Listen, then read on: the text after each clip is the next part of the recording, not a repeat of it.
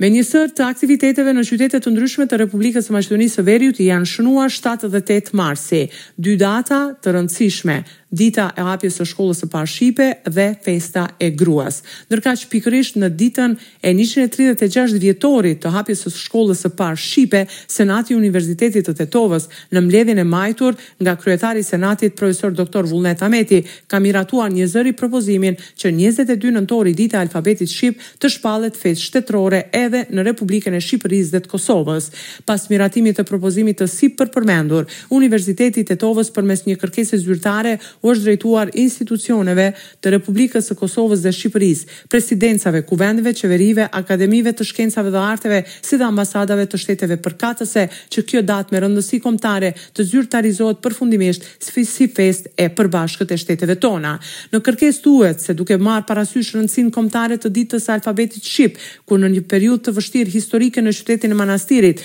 në vitin një mijë e nëntëqind e tetë, U tubuan atdhetarët më eminentë të çështjes kombëtare nga gjitha trevat etnike, faktin e pamohueshëm, se Kongresi i Manastirit është monumenti më i madh kombëtar, për të gjithë shqiptarët kudo që ndodhen, kongres në të cilin u vunë bazat e shkrimit shqip, që ndryshoi qasja dhe perceptimi për rëndësinë e çështjes kombëtare, rolin e tij në ruajtjen e identitetit shqiptar, pikërisht falë shkrimit të njësuar shqip, Senati i Universitetit të Tetovës, ka miratuar njëzëri propozimin që njëzet e dy nëntori Dita e Alfabetit Shqip të shpallet festë shtetërore në Republikën e Shqipërisë dhe të Kosovës. Më tej në kërkesën e lartpërmendur, drejtuar institucioneve dhe autoriteteve të Shqipërisë dhe të Kosovës, theksohet se me këtë akt, Qeveritë tona do të dëshmojnë për një sensibilizim të gjithëmbarshëm kombëtar dhe do ta nderojmë veprën e çmuar dhe kolosale të të parëve tanë, të cilët nuk e kursyen kontributin e tyre me të vetmin qëllim që gjeneratë pas gjenerate populli ynë t'i gëzohet një unifikimi gjuhësor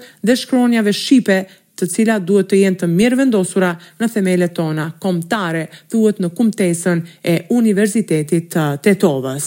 Në anën tjetër, zëvendëskryeministri i parë i vendit, Artan Grubi, thotë se për shqiptarët e Maqedonisë së Veriut dhe të gjithë qytetarët e Republikës sonë, erdhi një çast historik, u vendos nënshkrimi në marrëveshjen mes ndërmarrjes publike Rrugët Shtetërore dhe konsorciumit Bechtel-Enka për ndërtimin e korridorit tetë dhe dhjetë që bashkon Prishtinën, Shkupin dhe Tiranën. Kur e filluam këtë proces me bashkëpunëtorë të ekzekutivit, ishim plotësisht të vetëdijshëm për sfidat që duheshin tejkaluar, për punën e madhe që duhej bërë. Besonim në sukses, Dhe ja erdhi dita që të rrumbullakësohet edhe hapi i fundit juridik me të cilin fillohet realizimi i investimit më të madh kapital në historinë e vendit të një rëndësie jetike për zhvillimin e mbarë rajonit, thuhet në kumtesën e zëvendëskryeministrit Grubi.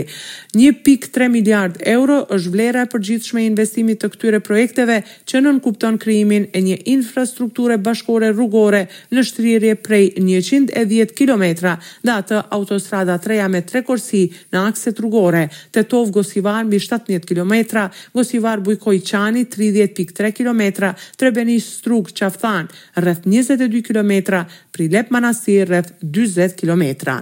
Njëkohësisht zëvendëskryeministri i parë Grubi ka shprehur mirënjohje për mbështetje Ambasadës së Shteteve të Bashkuara të Amerikës. Por sipas opozitës, me përzgjedhjen e kompanive kineze dhe paraprakisht ruse në mbikëqyrjen e punimeve të konsorciumit turko-amerikan, qeveria po bie ndesh me përcaktime strategjike për parandalimin e shtrirjes së ndikimit rus dhe kinez në vend. Grubi dhe Kovaçevski thuhet nga VMRO-DPMNE dhe deputeti Stojanovski, me përzgjedhjen e E ptisas, vjen në kundërshtim të plotë me administratën amerikane dhe deklaratën e sekretarit amerikan të shtetit Mike Pompeo, që e dha nga Ohri dhe tha se dua të ju paralajmëroj për përfshirjen e Kinës në teknologji dhe strategjinë e saj për mitmarrje gjatë lidhjes së marrëveshjeve. Njëkohësisht thuhet në deklaratën e shumë mediave se Komisioni për Parandalimin e Korrupsionit po punon në formimin e lëndës kundër kompanive që do të mbikëqyrin punimet e konsorciumit ndërkombëtar Bechtel Enka në korridoret tetë dhe dhjetë D. Pra,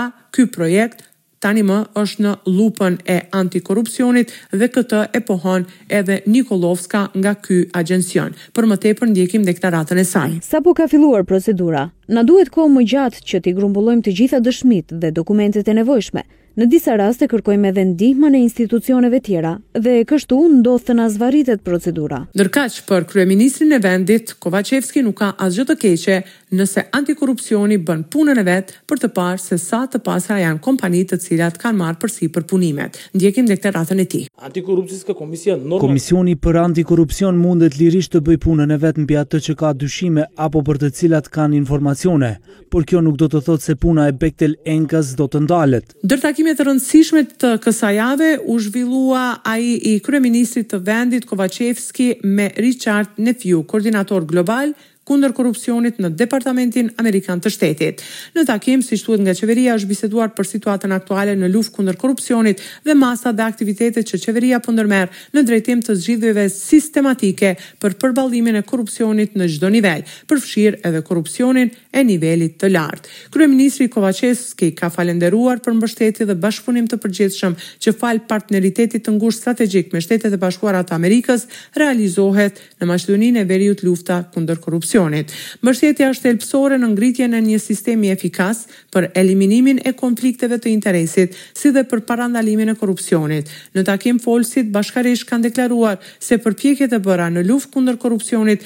janë mjeti kryesor për ndërtimin e besimit të qytetarëve tek institucionet. Në këtë drejtim, ngritja e kapaciteteve në fushën e sundimit të ligjit dhe shtetit të së drejtës është me rëndësi kyçe dhe jetike.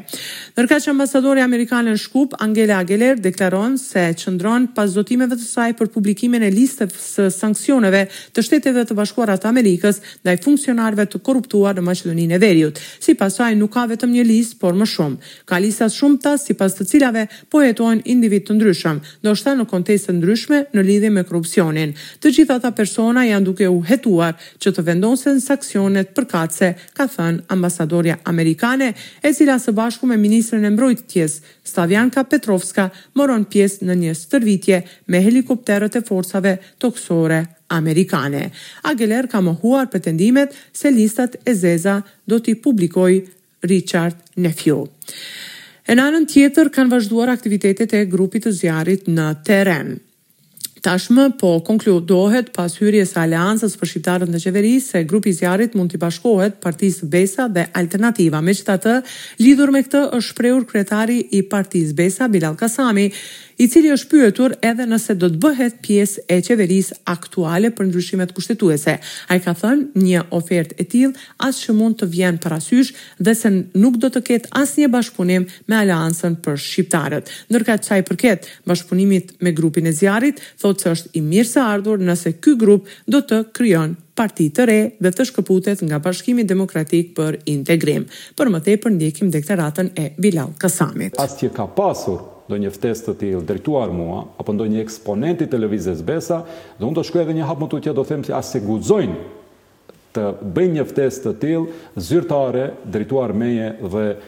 eksponentëve tjerë nga shkaku që kjo qeveri le që e tradhtoi Lëvizjen Besa, por kjo qeveri tradhtoi votuesit shqiptarë. Për ne do të ishte e mirëseardhur nëse ata përfundimisht vendosin që të shkëputen nga BDI, formojnë parti politike dhe ulemi bashkë bëjmë një koalicion të zgjeruar opozitar me ata, me Alternativën, me parti tjera, E pas shumë protestave dhe pakënaqësive, në Klinikën për Sëmundje të Fëmijëve